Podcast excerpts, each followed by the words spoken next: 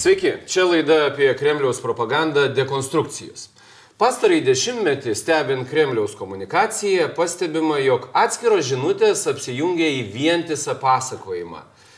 Viskas, kas yra vakaruose, yra vienas didelis blogis. Patys vakarai yra blogis. Kelios esminės žinios. Viskam diriguoja Amerika. Tai yra blogio centras. Vakaruose yra greunami tradicinės šeimos pamatai. Vakaruose materialinė gerovė yra kuriama naikinant dvasinės vertybės. Vakaruose klesti besaikis vartojimas, religijos degradacija, klesti iškrypimai ir paleistuvystė, nacionalizmas, naujos fašizmo apraiškos ir daugelis kitų blogybių. Šiandieną matysime daug pavyzdžių iš Rusijos žiniasklaidos, kuriuos aptarsime su Vilniaus politikos analizės instituto analitiku, taip pat didelę patirtį turinčiu žurnalistu Mariumi Laurinavičiumi, sveiki, sveiki gyvi, bei Lietuvos kariuomenės propagandos analitiku Tomu Čiaponiu. Sveiki gyvi. Pradėkime, kad ir nuo šio paveiksliuko. Paprašysiu režisieriaus parodyti e, jį ekrane. Ukrainietis su kazoko šukuosena renkasi tarp rytų ir vakarų. Rytuose yra šlovinga praeitis, trys bagatyriai, pasakų personažai, technologijos, naikintuvai, kosmosas, pergalė uh, didžiajame tevinės kare, kaip sako rusai, o vakaruose yra na, velniai, gėjai, uh, paleistuvystė, švirkštai, kardai ir dar kažkokie uh, kitokie dalykai. Tai tik viena iliustracija, bet gal dar prieš pradedant pokalbį pažiūrėkime trumpą propagandos filmuką, sukurtą specialiai socialiniams tinklams ir netgi dviejomis kalbomis - anglų ir rusų. Right now, as you are watching this video, Somewhere in the Middle East, ISIS fighters are executing people they consider infidels. This terrorist organization is made up of people that initially were supported by the United States. Perhaps at this moment, yesterday's pro-American opposition forces are preparing another terrorist attack. Right now, in the Mediterranean waters, on its way to Europe, there is a vessel full of refugees from North Africa. These people are fleeing the war in their motherland that was initiated by the US and its allies. Right now, in one of America's prisons located throughout the world, hundreds of people suffer from torture and humiliation. People that were kidnapped by the CIA far away from US borders. Right now, in some Russian town, an overdose of Afghan heroin has killed yet another drug addict. As a result of NATO's occupation of Afghanistan, production of heroin became the main source of income for the Afghan people right now, somewhere in eastern Ukraine, under leadership of American military instructors, local neo-Nazis are fulfilling the ideas of Stepan Bandera. Ideas that in civilized countries are called genocide of civilian population. Meanwhile, in the Donbass region, ravaged by artillery, bomb shelters are hiding seniors, women and children their cities and villages are being shelled on orders from a puppet government that meticulously follows instructions from Washington. Right now, across the entire globe, hundreds of thousands of people are suffering as a result of US and NATO interventions. But the West continues to label Russia as an aggressor Taigi, e, Mariu, gal nuo jūsų pradėkim e, trumpai apie žinias, kokias jūs išgirdote ir tikslus svarbiausia. Kokie jau tikslų yra siekiami? Aš turbūt pradėsiu nuo tokio ne visai politiškai korektiško, bet čia, kadangi tokia citata yra, čia yra tas sovietinis modelis, e, kuris vadinasi, o pas jūs negros muša. Dabar mes turbūt turėtumėm sakyti juodožius, bet, bet, bet tiesiog tai yra citata. Tai yra, bet, bet ką, kas buvo sakoma apie a, Sovietų sąjungą, a, kur, iš kurios, aišku, ir kilo šitas režimas, jie turėdavo tą atsakymą, kad va, to pas jūs irgi va šitaip va yra. Tai dabar tas modelis yra gerokai, gerokai ištobulintas ir iš esmės viską, ką jie daro, Tai yra viskas, ką čia pasižiūrėkit, ta prasme, ten kokie nors teroristai, tai Rusija remia teroristus, tas yra visiškai akivaizdu, nuo KGB laikų ir niekas dabar nepasikeitė, yra dokumentuoti daugybė, daugybė dokumentuotų įrodymų ir visa, visa kita, ką jie daro, karas Ukrainoje, jie viską apverčia aukštin kojom ir sako, kad va čia visas pasaulis taip daro, tai yra pirmiausia Amerika, nes pirmiausia Amerika yra tas priešas jų numeris vienas, tai yra ta galybės, iš, iš, iš tiesų kodėl Amerika, tai yra ta galybė, su kuria jie skaitos. Jie, jie mato savo vienintelį priešą ar priešininką, būtent Junktinės valstijas, todėl kad tai yra galybė, kurios jie, jeigu taip atvirai sakant, bijo. Ir tada, norėdami a, savo iš dalies pridengti tą savo baimę, iš dalies a, kažkokiu būdu, kokiu jie sugeba susilpninti Junktinės valstijas, jie kūrė va tokią propagandą, dezinformaciją, tiksliau reiktų turbūt tą, tą terminą vartoti, kad pasiekti tų savo tikslų. Kaip Jūs vertinat e, tokie kūriniai, ko jais yra siekiama? Akivaizdžiai kūrinys yra sukurtas socialiniams tinklams, yra trumpas, intensyvus, pateikiama daug jų pusės faktų, viską lydi įtampą kelianti muzika ir tokius produktus labai lengva platinti per tokias platformas kaip YouTube ir Twitter ir Facebook. Tai čia būtų tik tokia kryptis platinimo, taip pat aišku išversta į anglų kalbą. Ta pati filmuką galim rasti ir rusų kalbą, tai ko gero vidiniai Rusijos auditorijai tai turėtų tokį kaip kalties jausmo nuėmimo funkciją atlikti, kad iš tikrųjų ne mes esame tie blogiečiai, bet pasižiūrėkite į vakarus, jie yra visų tų blogybių sukėlėjai, na, o vakarams tai turėtų kaip sakant, irgi nešti tam tikrą auditorijai dviejonę, kad o galbūt visi čia kalba, kaltina Rusiją, kad jie daro vienokius arba kitokius veiksmus, bet o gal tai mes iš tikrųjų ir jie pradėtų apie tai galvoti. Kitas reportažas, kuris turbūt šiek tiek praplės mūsų požiūrį ir diskusiją apie tai, ko siekia Rusijos propaganda, apie filmas apie tai, klipas tiksliau apie tai, kad viskas prasidėjo Europos griūtimi antrajame pasaulinėme kare ir viskas tęsiasi iki šiol iš esмес э, taip pat. Сегодня часть западных стран отменяют и даже запрещают празднование Дня Победы, называя русских солдат захватчиками и убийцами. Что ж, это мы захватчики, мы убийцы. В 1941 году на СССР напала не только Германия. Испанские, итальянские, румынские, венгерские, хорватские сторонники СС не просто предали свои земли, но и двинули на мои. Европа, будучи подстилкой Гитлера, легко отправляла своих детей на смерть. Впрочем, сейчас она делает то же самое, только хозяин новый. И если бы они просто пошли войной на нас, это было бы объяснимо. Но нет, Европа гибла сама, при этом облизывая нацистские сапоги. Štai, čia jau prasideda kitas konstravimas, ar ne, kad tai yra tokia amžinai žlunganti blogio kažkokia tai imperija Europa.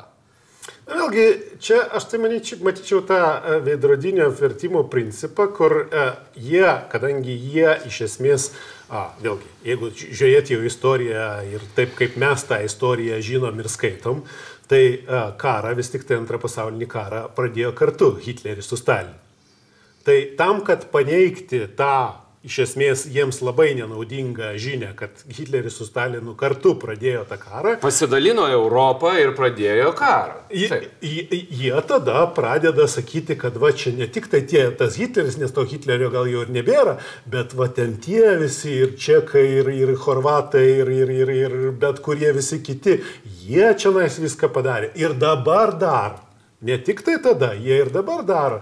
Tai jie vertinėja tą naratyvą, bandydami parodyti, kad nu, tiesiog viskas yra viskas priešingai. Bet čia yra iš esmės tas pats veidrodinis principas. Žlunganti Europa. Tai yra populiarus turbūt naratyvas Rusijos propagandoje.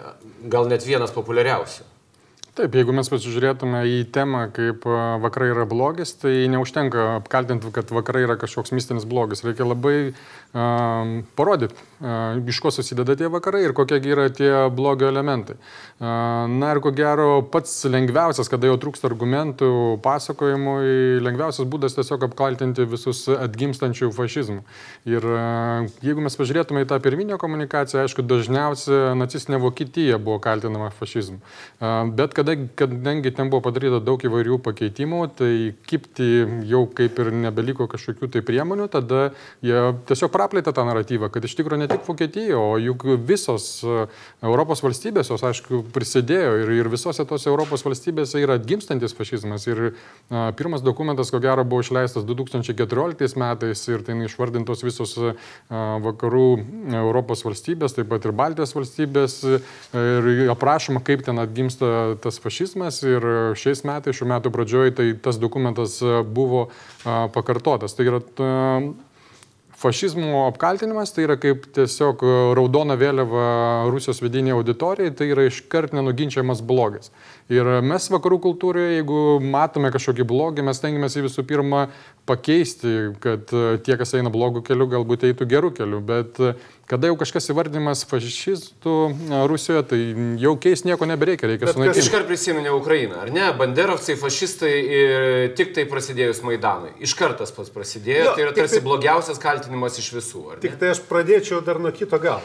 Jie labai garsiai apie tai kalba, apie Lietuvą taip pat kalba, bet kažkaip tai e, toj visoji diskusijoje nėra to uh, tikro fakto, kad dabartinėje Rusijoje, ne kažkada tai istoriniais laikais, bet dabartinėje Rusijoje laisvai veikia nacistinės grupuotės. Maža to, jie rengia viso pasaulio neonacistų suvažiavimus. Viešai. Tai nėra jokia slapta informacija, bet kas gali pasižiūrėti, tai yra vieša informacija, jie rengia šito režimo nariai, rengia va šitus viso pasaulio neonacistų suvažiavimus. Bet tuo pačiu jie sugeba kaltinti Ukrainą, Lietuvą ir visus kitus neva nacizmo propagavimu. Apie Europos vertybės. Kokie yra Europos idealai ir ką apie tai sako e, Rusijos propaganda? Rusijos televizijos laida Vriemė pokažė. Trumpa ištrauka. С Европой, в общем, тоже что-то начало такое происходить не совсем понятное, и сейчас европейская ориентация, будь то украинская европейская ориентация, будь то наша европейская ориентация, в общем, мы с начала 90-х, у нас были и до сих пор остались политические силы, которые говорили, что России необходима европейская ориентация. Кто-то с этим соглашался, кто-то нет, кто-то рассуждал о том, в каком виде должна быть европейская политическая ориентация России. Но пока мы все об этом рассуждали, оказалось, что с Европой и мы, и украинцы, что с Европой происходит что-то, что уже не очень понятно. Европейская ориентация – это ориентация на что? На какую Европу? На какую политику? На какой набор ценностей, учитывая, что в Европе по этому поводу тоже уже не наблюдается похожего и привычного единства. Если мы или кто-то другой держит, так сказать, какой-то курс в Европу, то, собственно, куда? В, в какую из двух Европ а может быть и нескольких Европ, которые обозначились.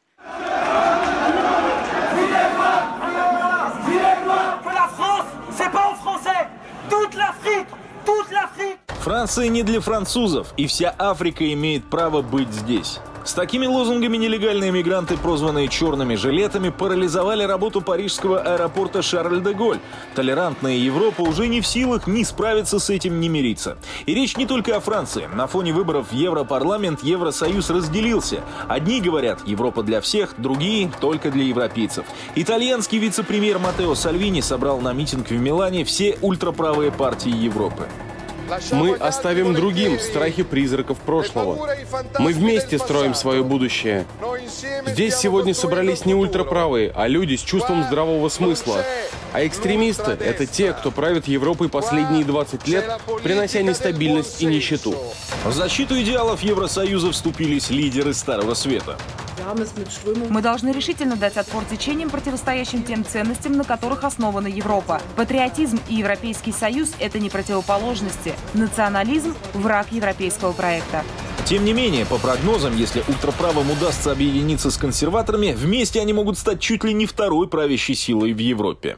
Я лично ничего не имею против некой европейской ориентации и не сомневаюсь, что мы часть Европы. Но мы видим, что в Европе, в Европе. Леонид Яковлевич, происходят некие изменения, не поняв которые и не, опро- не проанализировав которые и не попытавшись определиться по отношению к ним, мы будем идти вслепую. Taigi, Europa e, nežino, kur eina, ji neturi kelio, o pabaigoje, aišku, duštantis Europos laivas į Britanijos uolą.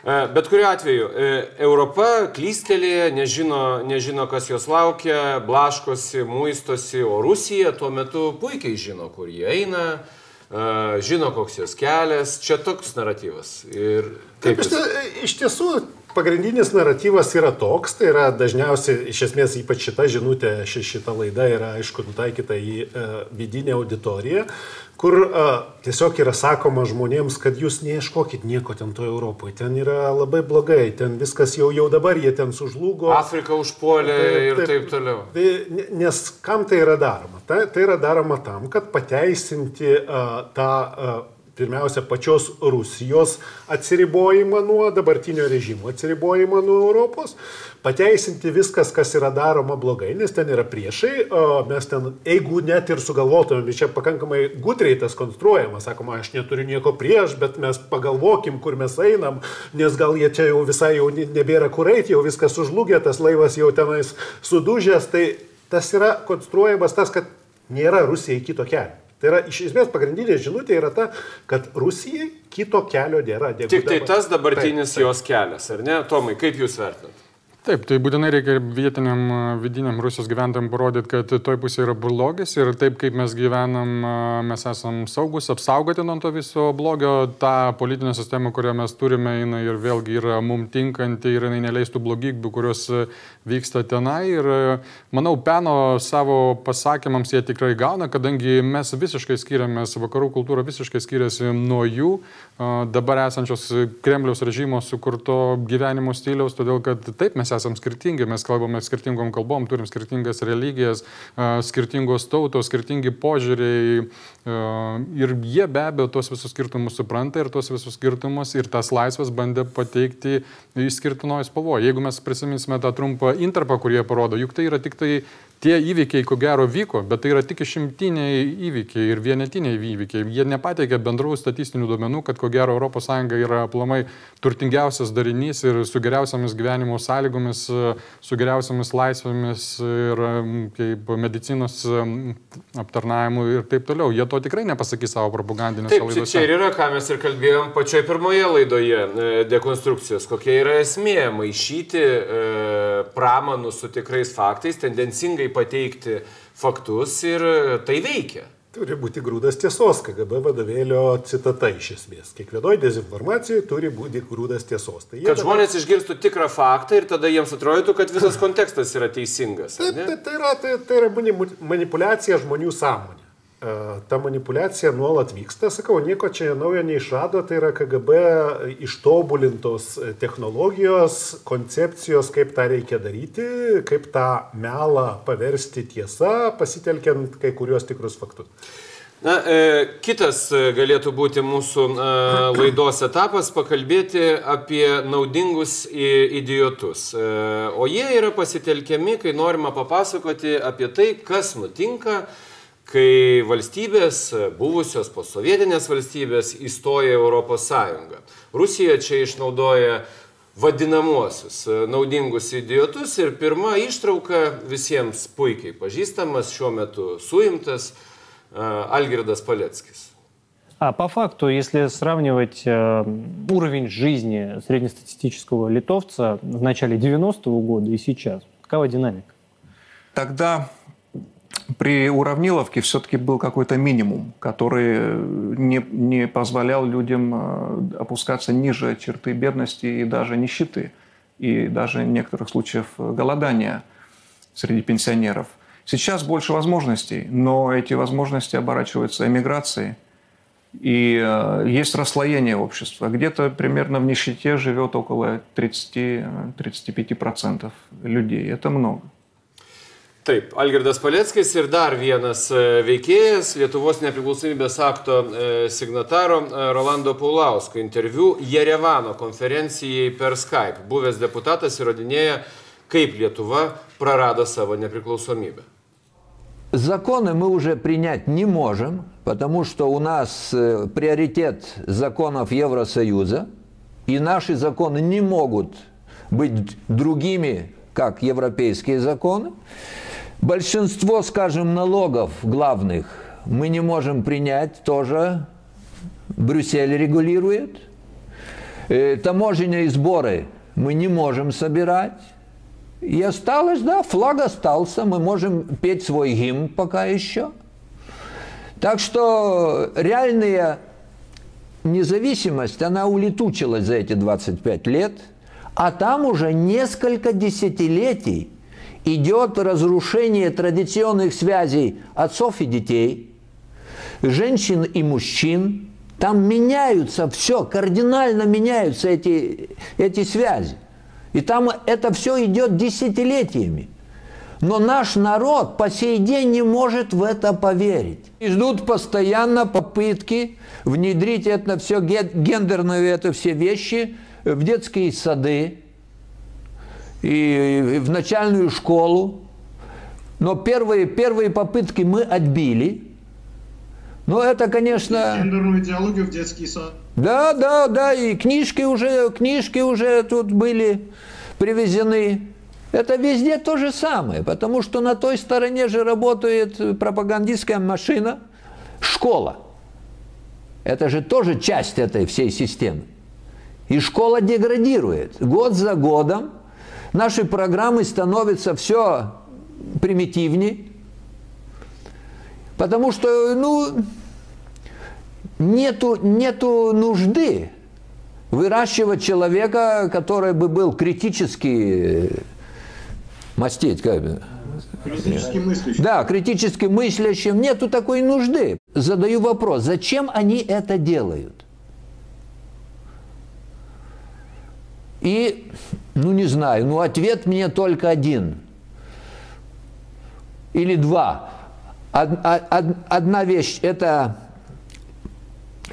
ты получаешь некритическую массу людей, которым легче управлять, и другая цель – это уменьшение народонаселения как такового вообще уже Земли.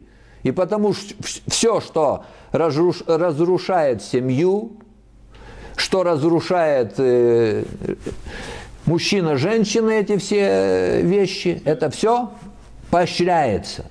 Потому что потом это все уменьшает народонаселение.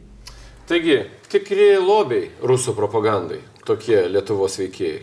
Na tai pirmiausia, šiek tiek ko gero negalėčiau sutikti, kad čia mes kalbam apie daudygus idiotus. Pagal tą klasikinę apibrėžybą daudygas idiotas yra tas, kuriuo yra tiesiog manipuliuojama ir jis pats nelabai supranta, kas čia vyksta. Tai yra nesąmoningai a, veikia kitos šalies, tai yra šiuo atveju Rusijos naudai.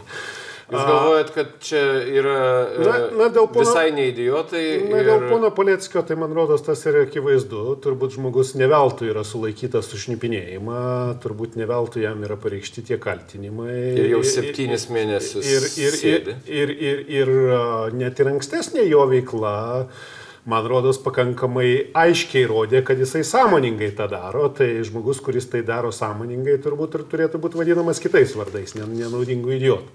Dėl a, pono Paulausko sunku būtų taip vienareikšmiškai spręsti. a, Vėlgi ten su, su ponu Paleckiu yra visokių iki šiol neaiškių piniginių reikalų kurie tokiais atvejais yra matyti labai svarbus, su ponu Polausku mes to nežinom. Tai vėlgi čia ne- nespėliosim, bet esmė yra, kad a, yra žmonės, kurie sąmoningai dirba, yra žmonės, kuriais yra manipuliuojama ir kurie iš tikrųjų yra naudingi, idiotai. Tai dėje mes turime pakankamai daug atvejų žmonių, kurie sąmoningai skleidžia tą a, Rusijos dezinformaciją ir yra, sakykime, jų dezinformacinio karo kareiviai. Tai va, tą reiktų dėje irgi įsi- įsisamoninti ir suprasti. Kaip Jūs vertinate, Tomai, ar čia yra kareiviai, ar vis dėlto, na, taip, dėl e, pono Paleckio turbūt e, gerbent teisės saugos institucijų kompetenciją, aišku, dar nėra teismo sprendimo, Bet e, jeigu teismas mato pagrindą leisti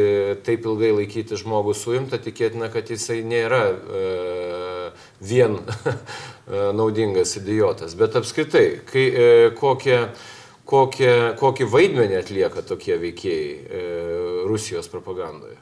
Informaciniam kare dezinformacijai tokie vietiniai kalbėtojai yra labai svarbus, nes jeigu komunikacija vyktų vien tik tai iš Rusijos pusės, tada žmonėms susidarytų toks įspūdis, kad nu, visa informacija neteina į ten, tai yra jų nuomonė, mes turim savo kitą nuomonę ir tam mes ir esame daug atsparesni. Kada yra jau vietiniai kalbėtojai, dalį visuomenės, ypač tie, kurie galbūt neturi daug laiko analizuoti informaciją, dirba fizinį darbą. Ir jie dar turi savo statusą. Vienas e, yra buvęs e, vicemeras, buvęs diplomatas, kitas yra buvęs deputatas, neklausomybės akto signataras, tu juos rodai Rusijos žiniasklaidoje, jie netgi tokį turi pusiau legitimų statusą. Taip, dalį status, tam tikrą statusą jie turi ir Lietuvoje, Rusijoje jie yra pristatomi kaip ekspertai. Ekspertų klausimas ir toks įvaizdis yra labai svarbus. Jie turi begalę tokių ekspertų skirtingose Europos valstybėse ir aplamai visur pasaulyje. Ir Iš tikrųjų, kada Rusija yra didelė, tų ekspertų yra daug, skirtingų valstybių, jie kalba, jie mato, kad yra lietuviška pavardė, jis girdi, kad tas žmogus kalba su kažkokiu akcentu, jis supranta, kad tai yra vietinis e, žmogus ir jam tai yra daug labiau patiekima informacija ir tai, kad ne mūsų žurnalistai, ne Rusijos žurnalistai sukūrė, o tai va kalba žmogus iš kitos valstybės ir tą informaciją ne va tai gauna didesnį uh, tokį kaip patikimumą. Taip, tarsi, tarsi tai yra faktai. Ir tai yra tiek ištobulinta, kad jie, pavyzdžiui, turi uh, netgi buvusių JAF vyriausybės narių, kurie vat, skleidžia visokias tas jų samokslo teorijas, uh, nuolat pasisako per visokias ten RT ar Sputnik ar ten dar kitus jų kanalus.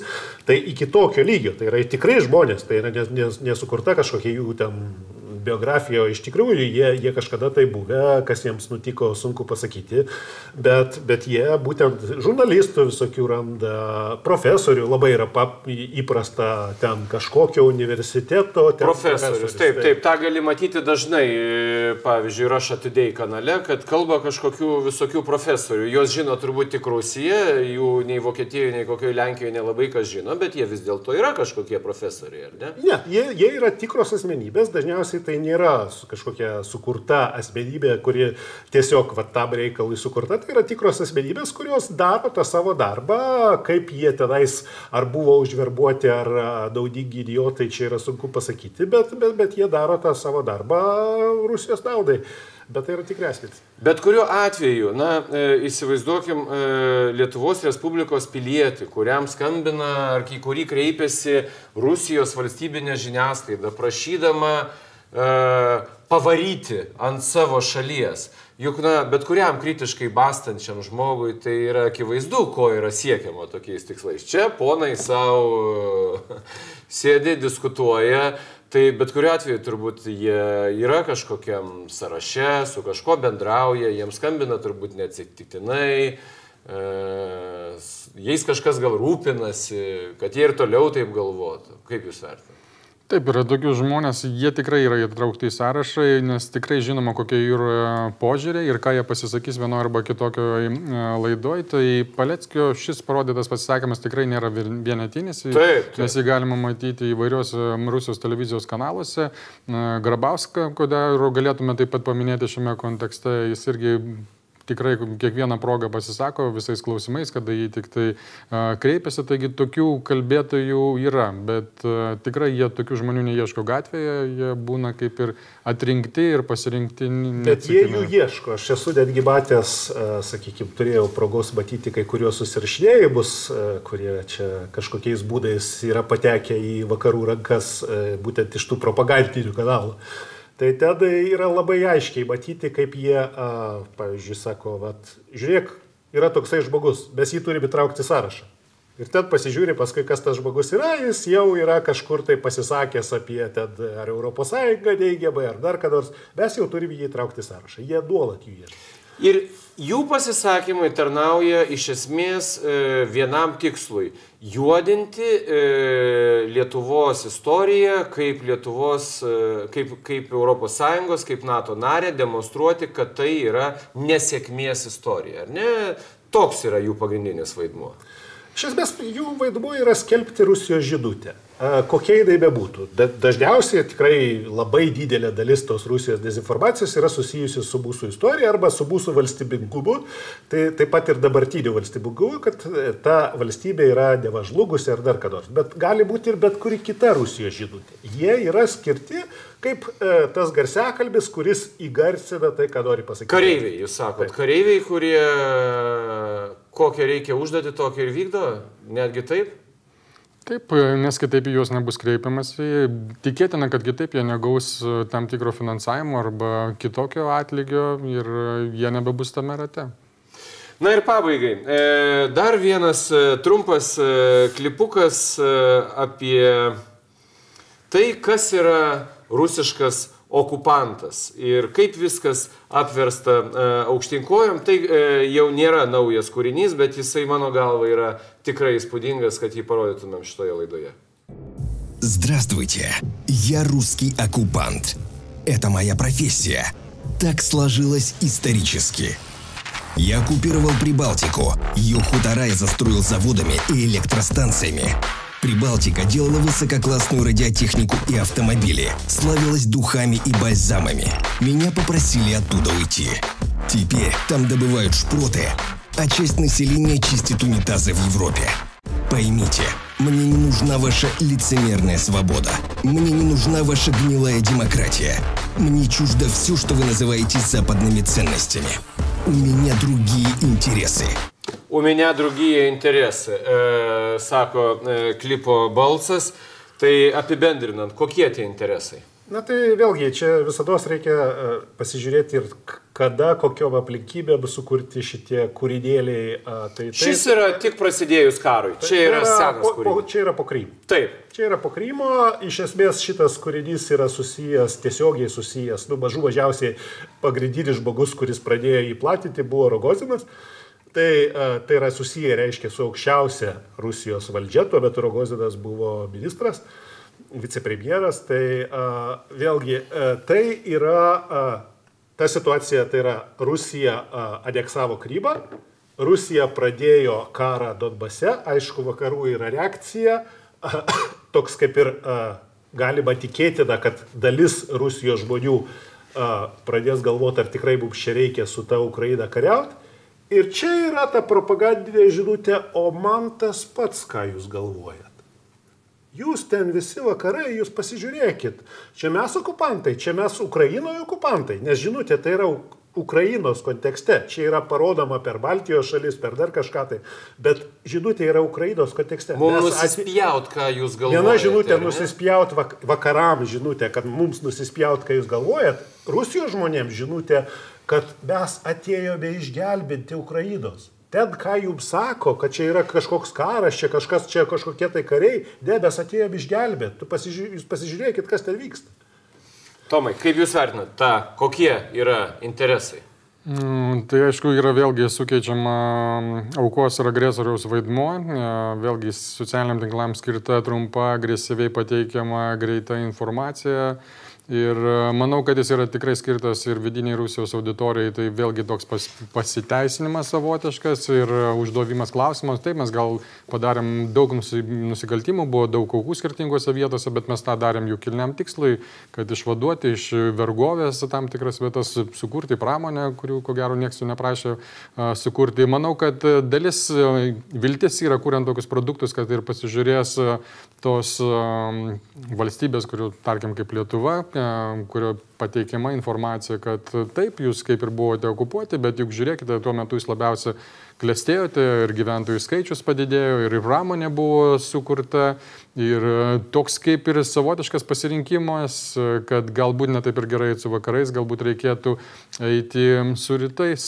Na ir aišku, kaip sakant, rytams, kad ten viskas yra blogis, kuris irgi čia pateikiamas, tos visos laisvės yra išimtinai pateikiamos iš blogosios pusės. Na ir apeliavimas dvi tokios pagrindinės technikos - baime, kad aš, aš esu agresorius ir man man kaip ir sekėsi ir aš visada galų gale Aš laimėdavau. visada laimiu. Aš visada laimiu, tai baimės faktorius viena tokia stipriausias e, apeliavimo ir kitas yra kalties jausmas, kad e, va, buvo tokia nuostabi Sovietų sąjunga, kurią mes sukūrėm ir e, ten galėtume ilgai vertinti tuo, ko jie giriasi, nuo mokslo iki teisingumo, rinkimų teisės ir, ir panašiai, nors mes visi puikiai žinome, kaip ten tas vyko, o va štai dabar sugriuvo tokia nuostabi valstybė, tai vėlgi dar į kalties jausmą apeliuojama. Kągi, ačiū Marijui Lurinavičiui ir Tomui Čiaponiui, ačiū žiūrėjusiems. Tai buvo paskutinė dekonstrukcijų laida e, šiame Laisvės televizijos sezone, jeigu taip galima pavadinti. Pasimatysime jau po vasaros. Gerų atostogų. Iki.